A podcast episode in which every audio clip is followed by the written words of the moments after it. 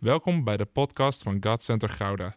Vanaf deze plek willen we jou inspireren, motiveren en activeren om op een praktische manier je dagelijks leven met God vorm te geven.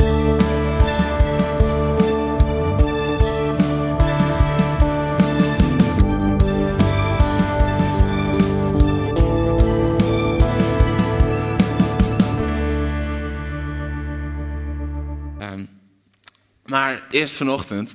En ehm dit is eh, leuk. Ik, eh, ik zat al echt al weken te trappelen. En eh, afgelopen vrijdag heb ik bij- Kees, Kees is er ook, Kees is be- begonnen als mijn uitgever en on- ontwikkeld tot, tot vriend. Ik denk dat ik het zo mooi kan verwoorden. Hè? Want ik kwam als beginnend schrijver en eh, bij een uitgever. En in, in de weg is er echt een prachtige vriendschap ontstaan. En eh, nou, ik ben super dankbaar dat je hier bent. En zo direct eh, als we het boek gaan releasen, Dit is Jezus, waar we al een jaar mee bezig zijn, dan zal hij ook vooral aan het woord zijn. En zal ik er gewoon naar staan glimmen en blij zijn en zo. Dus dan gaan, gaan jullie meer van hem horen, maar ik ben blij dat je er bent. Kees, dank je. Ehm, ja, en, en toen dacht ik van ja, wat ga je dan nu preken? Want je bent zo vol van die boodschap van het boek. En toen dacht ik van ja, maar ja, weet je, dat gaat iedereen lezen, dus dat heeft ook niet zoveel zin. Ehm, maar, maar ja, je wil die link hebben van je gaat het boek releasen. En tegelijkertijd zijn we net gestapt in die serie over een ker- kerkcultuur bouwen, de church culture. En, en het stukje daarin, het herbouwen van de cultuur. Dus ja, ik was een beetje aan het sparren met God daarin. En, en ik vroeg me ook van ja, ehm, hoe, hoe ga ik dan recht doen aan de boodschap als ik twee op zichzelf staande series zeg maar, met elkaar ga verbinden? En toen eh, ervoer ik deze zin, ik heb hem zo opgeschreven. En eh, ik wil hem letterlijk zo uitspreken, want ik geloof dat God dit zei. Hij, hij zei, het hart van de kerkcultuur vinden we pas als we dicht bij Jezus komen. En toen dacht ik, ah kijk, nu heb ik de sleutel. Hier, komen twee series komen bij elkaar. En hier laat het zien dat het onlosmakelijk verbonden is. Want de kerkcultuur kunnen we pas bouwen als we echt dicht bij Jezus zijn. Waarom? De kerkcultuur klopt het hart van Jezus. En wij ontmoeten het hart van Jezus pas als we dicht bij Jezus zijn. En laat me dat uitleggen. Daarom is de titel van vandaag ook: Dit is dichtbij Jezus. Dus een kleine toevoeging in de, in de boektitel: Dit is Jezus. Dit is dichtbij Jezus. En waarom is dat zo belangrijk? Omdat als we dicht bij Jezus zijn, dan zullen we een nieuwe diepte in Hem ontdekken. Maar weet je wat het gevaarlijk is? Is dat we de uiterlijke vertoningen zien we ook vaak als we niet dicht bij Jezus zijn. En dan worden we zo in de maling genomen. Want dan denken we van, wauw, we, we, we hebben dat gezien en we hebben zijn werk gezien. En ik zag hoe hij aanwezig was in de dienst. Maar dat hoeft nog niet te betekenen dat jij ook echt dicht bij Jezus was.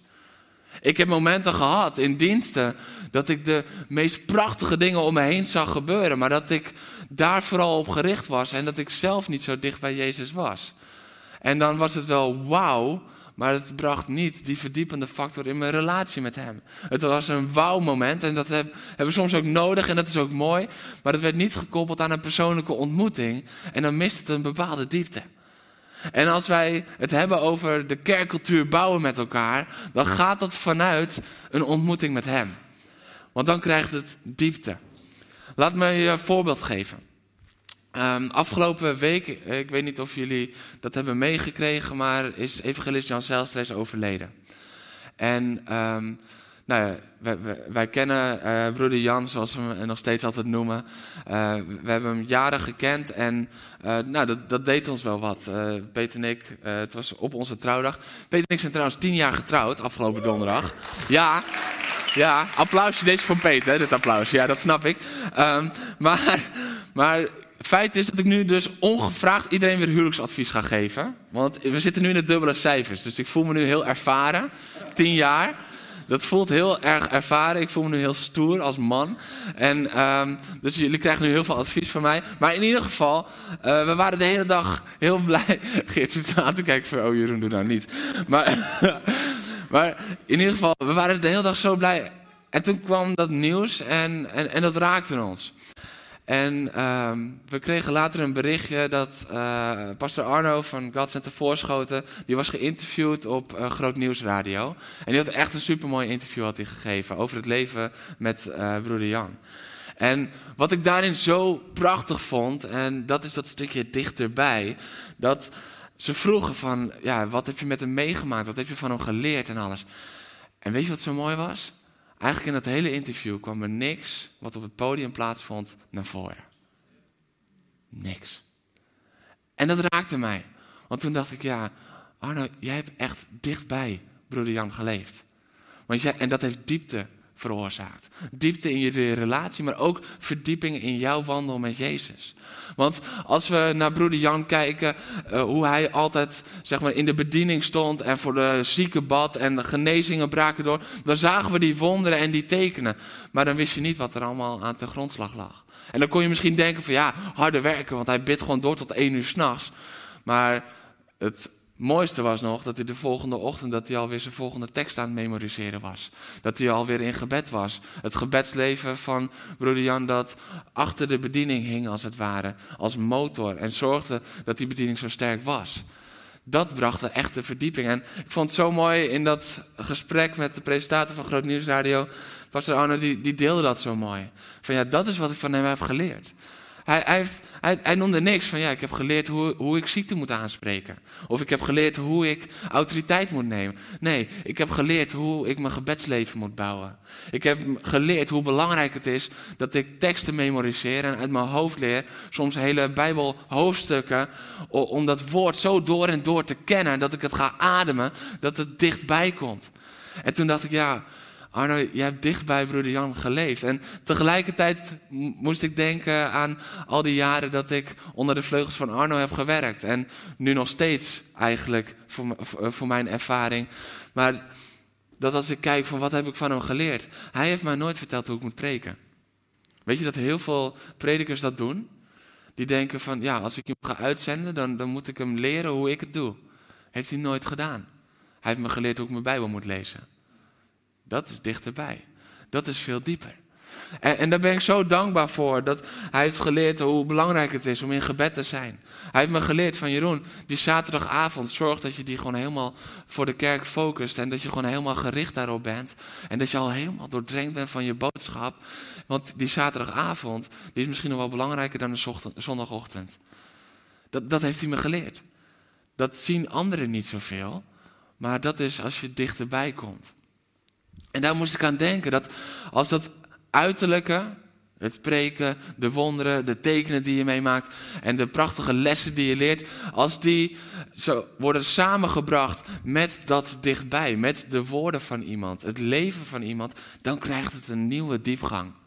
En dan gaat het dus niet om dat uiterlijke, maar dat vloeit vanzelf wel voort uit wat er in die verdieping heeft plaatsgevonden. En ik geloof dat dat is wat Jezus ook zo graag wil voor ons. Dat hij verlangt dat we geen volgelingen zijn, maar discipelen. Weet je, Jezus had onwijs veel volgelingen in zijn tijd op aarde.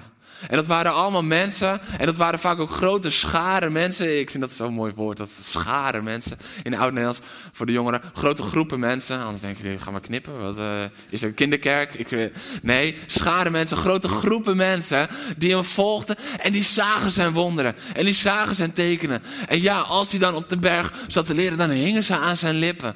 Maar als hij in gelijkenissen sprak, dan legde hij het niet uit. Sorry, cameraman. Uh, dan, dan legde hij niet uit aan de scharen, aan de menigte, wat die gelijkenis betekende. Maar dan nam hij zijn discipelen apart. En daarmee kon hij de diepte in. Waarom? Omdat ze niet alleen in de boodschap, niet alleen in het uiterlijk vertoon meegingen, maar ze gingen mee elke stap van zijn levenswandel. En dat verlangt Jezus ook van jou en van mij. En dat is waar Jezus dichtbij komt, wordt een nieuwe kerkcultuur gebouwd. Omdat we kunnen pas het hart van Jezus gaan bouwen als we dicht aan zijn hart leven. En zo vaak is het verlangen wel om dat hart van Jezus te bouwen, maar weten we ook niet zo goed hoe we dan zo dicht bij het hart van Jezus moeten leven, omdat we het niet geleerd hebben gekregen. Daarom wil ik het vandaag ook hebben over die cultuur van discipelschap. Want die cultuur van discipelschap, enerzijds, ja, we zijn een discipel van Jezus, maar aan de andere kant, Je hebt ook gewoon iemand nodig in jouw leven die spreekt, die zijn of haar leven ook met je deelt en die jou discipelt. En dat kan alleen als diegene ook echt dat hart van Jezus ontmoet en dichtbij leeft en vanuit dat hart opereert. Want anders kan hij dat hart niet aan jou overdragen. Maar dat is belangrijk. En daarin wil ik je bemoedigen. Misschien doe je geloven nog heel erg alleen. Maar je bent niet gemaakt om alleen te geloven. Want ik weet niet hoe je het ervaart, maar ik ben ervan overtuigd dat je het zwaar vindt. Natuurlijk heb je je bergtopmomenten. En dan denk je dat je alleen de wereld aan kan. Dat is als je op zo'n zo'n berg hebt beklommen. Ken, ken, je dat moment trouwens? Dat je een berg beklimt. En dat je de hele weg om, naar boven. Dat je aan het, aan het smeken bent dat je er bent. En dat je eigenlijk aan het zeuren bent. En dan sta je boven. En dan denk je op een, gegeven moment. I'm the king of the world. Dan, dan heb je in één keer alles is vergeten. En dan denk je dat. En dat hebben we zo vaak ook, weet je. Op zondagmiddag denken we vaak, ik kan alles aan met Jezus. En op woensdag denken we, ik voel me zo alleen en waar is Jezus? Maar dat is niet omdat Jezus opeens verder weg is. Maar we hebben gewoon mensen om ons heen nodig die ons helpen om dat hart van Jezus te blijven zoeken en vinden. We hebben elkaar nodig. Dat is waarom God kerk heeft bedacht. Dat is waarom God familie heeft gemaakt. Dat is waarom God al bij het begin zei: Het is niet goed dat de mens alleen is. Dat is gewoon de kern. Het is niet goed dat je alleen gelooft. We mogen het samen doen met elkaar. En toen dacht ik van ja, dat hele boek is geënt op Johannes. Dus ik moet natuurlijk wel uit Johannes spreken. En ik, ik heb echt een mooie knipoog van God gekregen over hoe God in zijn werk gaat en hoe het leven van Jezus in zijn werk ging. En uh, het leuke is, dat komt ook helemaal niet voor daarin, want het is weer helemaal nieuw ook voor mij. Dus ik ben erg enthousiast daarover. Um, sta op voor het woord van God en we gaan lezen uit Johannes 8, vers 30 tot en met 32. Het is een bekend gedeelte, maar misschien niet zo in deze context. Toen hij deze dingen zei, kwamen velen tot geloven in hem. En tegen de Joden die hem geloofden, zei Jezus: Wanneer u bij mijn woord blijft, en dan eigenlijk in mijn woord blijft, bent u werkelijk mijn leerlingen. U zult de waarheid kennen en de waarheid zal u bevrijden. Nou, dat was een korte, korte schriftlezing, hè, jongens. Jullie mogen weer gaan zitten. meestal duurt het lang, hè? Maar wat zo mooi is, is dat hij zegt het tot de mensen die al tot geloof zijn gekomen. Dus misschien denk je, ja, maar ik geloof al jaren in Jezus. En dan zegt hij, maar dat is stap 1 geweest en daar ben ik dankbaar voor. Maar misschien mag je nu wel de stap tot discipel maken. Want een discipel en een gelovige, dat, dat is nog wel een verschil. Je kan in Jezus geloven met heel je hart, zonder hem te volgen bij elke stap. Herkenbaar? Mm Pijnlijk puntje doen, niet, niet doen. Het is een leuke ochtend, moeten we gezellig houden. Oké, nou, let op. De diepte zit hierin. Jezus zegt dit tussen twee passages. En laten dat dan net een ik ben en een wonder zijn die je aan elkaar koppelt. Maar wat ik daarin zo mooi vind, is dat hij daartussen dus zegt dat we in hem moeten blijven. En als we in zijn woord blijven, dat we dan de waarheid zullen kennen en de waarheid zal u bevrijden. En die bevrijding is weer zo'n uiterlijk kenmerk. Dus hier verbindt hij eigenlijk ook het woord en een wonder. Dus wat, wat is het wonder? Een bevrijding. Maar wat is het woord? Dat we in zijn woord moeten blijven. En dat zien we ook. Dat uh, vind ik zo mooi. Als we uh, iets eerder kijken in Johannes 8, in vers 12. Daar zegt Jezus namelijk. Hij nam opnieuw het woord en hij zei: Ik ben het licht der wereld. Ik ben het licht der wereld. We gaan niet de ik ben deze dienst ook weer helemaal opnieuw uitdiepen. Maar ik ben het licht der wereld. Dan komt dit gedeelte. En dan in hoofdstuk 9, vanaf vers 1, zien we de genezing van de blinde man. Dus tussen het woord en het wonder maakt hij duidelijk: blijf in mijn woord. En dan is dat wonder tot gevolg. En zo vaak doen we dat andersom. Zo vaak doen we dat andersom. Dat als we een wonder zien, dan denken we dat we dichtbij zijn geweest. Terwijl we misschien niet eens echt een persoonlijke ontmoeting hebben gehad. Dat hij zegt, maar ik wil dat je dichterbij komt. En soms vieren we mee, en dat is goed. Vieren we mee als er een wonder gebeurt in iemand anders leven. Dat is goed. Maar als we het gaan vieren alsof dat genoeg is voor onszelf, dan gaat het ergens mis. Want Jezus zegt maar, ik wil jou dichterbij hebben. Ik wil dat je in mijn woorden blijft en dat ik dan persoonlijk voor jou word. Want dat vind ik zo mooi. In die ik ben uitspraken maakt hij zichzelf persoonlijk voor jou. En zegt hij, ik ben dat voor jou. Ik ben de goede herder. Ik ben het licht in de wereld. Ik ben het brood des levens. Ik ben de opstanding en het leven. Ik ben die ware wijnstok. Ik ben de deur. Ik ben de goede herder. Iedere keer, ik ben het. Niet ik was het of ik zal het zijn voor je. Nee, ik ben. Nu, op dit moment, in jouw leven. Weet je wat de kracht is van een ik ben uitspraak?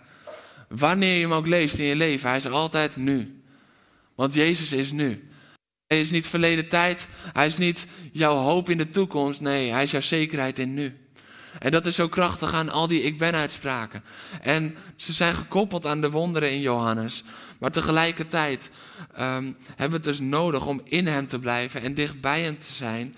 Om die, die koppeling te zien. Want weet je wat het geheim is van de diepte die er voortkomt als we de woorden en de wonderen van Jezus gaan verbinden? Alleen de discipelen maakten dat mee. Heel zelden doet Jezus, het gebeurt twee keer, maar heel zelden doet hij de uitspraak van ik ben aansluitend of tijdens het wonderverhaal. Meestal liggen ze verder uit elkaar. En weet je wat zo interessant is? Dat de discipelen waren bij alle momenten. We zien bij elke ik ben uitspraak en elk wonder waren de discipelen aanwezig. Maar over het algemeen waren de mensen die bij het wonder waren geweest, niet bij de ik ben uitspraak die daarbij paste. Alleen discipelen, die ontvangen die diepte. En de mensen die hadden een prachtig wonder hadden ze gezien, maar ze hadden dat nog niet verbonden aan het diepste van het zijn van Jezus. En daar krijgt het diep, daar ga je het hart dieper leren kennen. En daar verlangt hij zo naar. Dat we niet gericht zijn alleen op het wonder, maar ook op het woord, ik ben. Want daar ontmoeten we zijn hart op een dieper level dan ooit. Weet je, en als we Glory Nights gaan houden met elkaar, dan gaan we ons uitstrekken naar het hart van Jezus. De kracht van het evangelie. En daaruit voort vloeien wonderen en tekenen. Maar het prachtige is dat als we discipel zijn van Hem, dan mogen wij allebei zijn. De volgelingen, de, de, de schare mensen, dat waren vooral mensen die zagen wat Hij deed en hoorden wat Hij zei. Maar de discipelen ontmoeten echt wie hij was. En ik weet niet van jou, maar ik wil een discipel zijn. Ik wil een discipel zijn, want ik wil die diepte in hem dieper leren kennen. Ik wil dichter bij hem zijn. Ik wil nog meer onder de indruk raken van wie hij is. Weet je, dat, dat is mijn doel elke dag, om weer een stukje meer onder de indruk te raken van Jezus. Elke dag weer. En weet je wat het mooie is? Hij stelt nooit teleur. Als je daar tijd in investeert, dan hij stelt nooit teleur. Want hij geeft elke dag geeft hij reden om opnieuw weer een stukje meer van hem te houden. Opnieuw, opnieuw meer onder de indruk te zijn van hem. Want hij is, ik ben. Dus elke dag opnieuw is hij, ik ben in jouw leven. En mag je zeker weten dat je daarin hem dichter mag leren kennen. Weet je, ik heb dit opgeschreven, dat de generatie die aan het opgroeien is, er is één groot gevaar. En dat is namelijk dat er een volgcultuur ontstaat, zoals een vlogcultuur. Een volgcultuur zoals een vlogcultuur. We pakken namelijk het liefst de hoogtepunten van iemand mee. En de hoogtepunten van Jezus, de wonderen, de tekenen. Maar achter de vlogcultuur gaat meestal voor die ene goede opname zes verkeerde opnames voort. En achter de vlogcultuur gaat schuil dat heel veel vloggers na zoveel jaar omvallen, omdat ze niet alles hebben laten zien van wie ze zijn. En daardoor eigenlijk maar iets hebben hoog gehouden. En we, we, trappen erin met elkaar. En we denken, wow, die gozer die heeft echt een fantastisch leven. Die heeft van de centen die hij met YouTube heeft verdiend... heeft wel een huis kunnen kopen, een auto kunnen kopen. Ja, en hartstikke depressief. Maar dat zie jij niet. Want het pokerface gaat op en de camera gaat aan.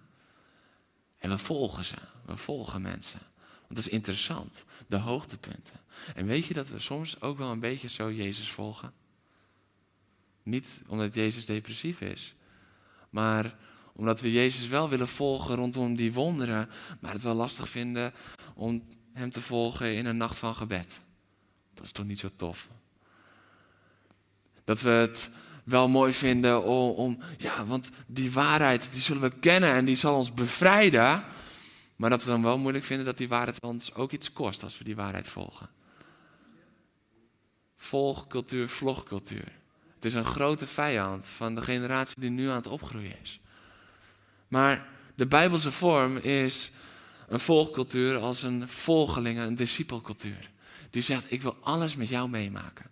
Ik wil alles met, dat, dat is wat Jezus zegt, ik wil alles met jou meemaken. Elke stap. En ik neem je mee. En, en weet je wat? Dan de mooie momenten vieren we samen. En de moeilijke momenten, dan huilen we gewoon samen. Dan krijgt een relatie diepte. Een vriendschap krijgt pas diepte als je allebei kan. Als je alleen maar kan lachen met elkaar, dan heb je een leuke tijd. Maar een vriendschap krijgt diepte als je ook kan huilen met elkaar. Als je er echt kan zijn voor elkaar. Als je echt kan zijn bij elkaar en met elkaar. En weet je, ik heb een hele tijd geleden heb ik dit beeld gehad en dit, dit trof me opnieuw terwijl ik bezig was met mijn voorbereiding. Ik had een keertje, was tijdens de worship, kreeg ik een beeld van God. Hoe in de Oud-testamentische uh, tempel, daar had je het voorhof, het heilige, het heilige der heiligen. En ik zag rijen mensen, zag ik in het voorhof zitten. En ze gingen het heilige niet in. En ze bleven in dat voorhof zitten. Maar uit dat heilige kwamen mensen wel jubelend terug. En, en van veraf zag je wel dat er in dat heilige, in die aanwezigheid van God, dat daar wonderen en tekenen gebeurden. Maar de mensen in dat voorhof, die, die, die vierden dat, maar ze gingen niet naar binnen. En ze vierden dat, maar het werd niet persoonlijk. En ik ervoer toen dat, dat God zei van, dit is wat er zo vaak gebeurt nog in de kerk. Dit is zo vaak wat er nog gebeurt in de christenlevens. Dat we, dat, dat we in het voorhof blijven zitten. En weet je, daar, daar, ervaren we de lofprijs. En, en we, we, zien de aanbidding. En, en, van een afstandje zien we het allemaal gebeuren. En zijn we, we worden een beetje meegenomen in de hype ervan. En wauw, wauw, wauw. En dat is mooi. Maar wat als je niet zelf binnengaat? Dan is jouw geestelijk leven blijkbaar gebouwd op de ervaringen van anderen. En wat dan als de kerk opeens dicht moet? En je moet het thuis doen. Want dat is wat we afgelopen anderhalf jaar hebben meegemaakt. Wat dan als er opeens een zekerheid wegvalt? Wat dan als die mensen een keertje niet zo enthousiast zijn op zondagochtend en je staat er in het voorhof en je denkt, nou, het is wel rustig vandaag. Ja, maar jij mag dat heilige in. Jij mag dat heilige in. Jij mag die ontmoeting met, met Jezus in. Want hij zegt, kom nou dichterbij. Kom nou dichterbij, zodat je niet alleen die wonderen en die tekenen ziet, maar dat je ook mijn woorden hoort. En dat ik mijn zijn met jou mag delen, want dat is wat Jezus doet. Hè? In die woorden van hem, dat zijn niet allemaal opdrachten, nee, hij zegt ik ben. Daar deelt hij het diepste zijn van wie hij is. Deelt hij daar met zijn discipelen. En dat verlangt hij ook met jou en met mij. Elke dag opnieuw. Hij verlangt ernaar om zijn zijn met jou te delen. En daar krijgt je relatie met hem een nieuwe diepte. En dat is wat discipelschap is. Je leven met elkaar delen. En die cultuur willen we ook bouwen in de gemeente. Dus dat betekent ook dat we die cultuur willen bouwen op het moment uh, dat, dat we dat enerzijds richting Jezus hebben, maar anderzijds ook dat we mensen in ons leven laten spreken. Weet je hoeveel fouten ik niet heb gemaakt doordat mensen in mijn leven spraken? Tjoh, ik ben ze eeuwig dankbaar je moet oppassen met eeuwig, want eeuwig is een lange tijd. Maar hun ben ik eeuwig dankbaar. Echt waar. Want ze behoeden je voor fouten, ze sturen je bij, ze zijn daar voor advies. Weet je, dat zijn ook de mensen dat als je in een diepe crisis gaat, dat je, dat, dat je ze huilend opbelt en dat je zegt, mag ik langskomen? En dat diegene zegt, kom nu. En dat je het niet eens door hebt, maar dat hij vier afspraken moet verzetten. Maar dat hij tijd maakt, omdat hij voelt, hé, hey, dit is het moment dat ik er voor jou moet zijn. Dit is het hart van Jezus, die altijd tijd voor jou heeft. Maar dit is ook het hart van discipelschap in de kerk. Dat is de cultuur die we willen bouwen. En dat is niet om over elkaar te heersen. Je zegt niet, oké, nu ga jij mijn leven leiden. Nee, maar je mag in mijn leven spreken. En dat is zo krachtig, want dan krijgt dat weer een nieuwe diepte. En dat brengt je altijd weer dichter aan het hart van Jezus. Weet je, en dit is, en hier wil ik mee afsluiten. Ik wil vragen of de band alvast naar voren wil komen. Dit is wat er is gebeurd in het leven van de discipelen. En dat zien we namelijk wijs in Handelingen 2. We hebben twee jaar geleden, inmiddels zo ongeveer, of anderhalf, hebben een serie gehad over Wij de Kerk. En die was helemaal geënt op Handelingen 2. En ik pak hem gewoon nog heel even snel bij. Het is goed om dat vanuit het woord te lezen. Handelingen 2, Waaraan staat, ze bleven trouw aan het onderricht van de apostelen, het onderwijs. Vormden met elkaar een gemeenschap, braken het brood, dat is het avondmaal. Het steeds weer terugkijken naar Jezus. En ze wijden zich aan gebed. Dat is het hart dat Jezus hen jarenlang had voorgeleefd. Dat is het hart wat Jezus iedere keer had laten zien. In alles van die ik ben zit dat hart van Jezus. Waarin je steeds weer terug ziet komen. hey, dat is wie hij is. Dat is hoe hij handelt. En dat is dichtbij komen. Dat is zoals Arno met broeder Jan nog meelopen. Dat is zoals ik jarenlang met Arno heb mogen meelopen. En dat is hoe ik nu ook mensen om me heen verzamel die met mij mee mogen lopen. Dat is niet omdat je beter bent of iets. Nee, maar dat is omdat je je leven wilt delen met iemand. Dat is discipelschap. En omdat die ander dan zegt, hé, hey, je mag in mijn leven spreken. Want ik zie een stukje dat je verder bent dan ik. Dat je wijsheid hebt. En die wil ik gewoon heel graag dicht bij me houden. En dat is wat Jezus ook deed. Want Jezus leefde continu een leven van onderwijs. Continu een vormen van een gemeenschap. Weet je, misschien heeft Jezus daar op zich nog niet eens zo heel veel over gezegd in zijn woorden. Over die gemeenschap vormen. Maar hij heeft twaalf mensen om zich heen verzameld. En hij heeft drie jaar lang een gemeenschap met ze gevormd. Dus we hebben het gezien als we dichtbij komen. En we zien dan, ze braken het brood. Want Jezus had gezegd, hé, hey, die gemeenschap met mij, dat is de kern. Zorg dat je iedere keer weer terugdenkt aan mij. En dan afsluit en ze wijden zich aan gebed. En als er iets is wat Jezus deed, was het nacht in, nacht uit, bidden. Tijd met de Vader, afzonderen van iedereen en wijden aan gebed. Dat is het hart van de kerkcultuur. Dat is het hart van Jezus. En dat is voortgekomen uit wie hij zei dat hij was, hoe hij leefde. En ook in handelingen zien we dan weer het gevolg. Want als we die cultuur van discipelschap bouwen met elkaar, dan komt ook vers 43, na vers 42. En de vele tekenen en wonderen die de apostelen verrichten, vervulden iedereen met ontzag. Ik voel zo dat dit het fundament is, ook om verder te bouwen aan die kerkcultuur. Want kerkcultuur kunnen we niet bouwen als we denken we moeten het bouwen vanuit dit of vanuit dat. Nee, we moeten het bouwen vanuit zijn hart. Zonder dicht bij het hart van Jezus te zijn en van daaruit te opereren, kunnen we geen gezonde kerkcultuur bouwen met elkaar. En even vanavond de Glory Night. We kunnen geen gezonde manier van bediening als het niet komt voort uit zijn hart. Weet je, we kunnen iedereen zieke de handen opleggen en toespreken zoals Jezus dat deed. Maar doen we het met hetzelfde hart als Jezus had. Dat is, dat is iedere keer wat we zien. Hij werd met, met ontferming bewogen. Hij, hij was tot tranen toe geraakt. Want hij zag de nood. Hij zag, hij zag de nood bij de mensen. En Jezus werd geraakt. Worden we geraakt als we daarin uitstappen? Eerst dat hart van wie hij is. Ik ben. En dan komen vanzelf die wonderen van zijn hand. Maar niet in de andere volgorde. En daarom, kom dichterbij. Kom dichterbij. Weet je, als jij, een, eh, als jij een discipel bent, dan weet je wat het is om dichtbij te komen. Maar misschien denk je van, ja, maar volgens mij ben ik veel meer gewoon een gelovige. En volgens mij mis ik dat nog. Dan zegt hij vandaag, ik wil dat jij dichtbij komt. Want hij verlangt naar jou. En ik wil vragen of we met elkaar gaan staan. En dit, dit doen we dus ook als familie. Dat is onderdeel van de cultuur die we bouwen. Want ik kan me voorstellen dat het spannend is om zoiets hardop mee te bidden. Als je denkt van ja, als er nou een hele hoop discipelen om mij heen zitten, dan ben ik de enige die hoorbaar is. En daarom gaan de discipelen met je meedoen. En ik wil een gebed uitbidden met je. Dat je van volgeling naar discipel mag gaan. En ik wil je vragen om je hand op je hart te leggen terwijl we gewoon een simpel gebed bidden. En je mag me gewoon nabidden.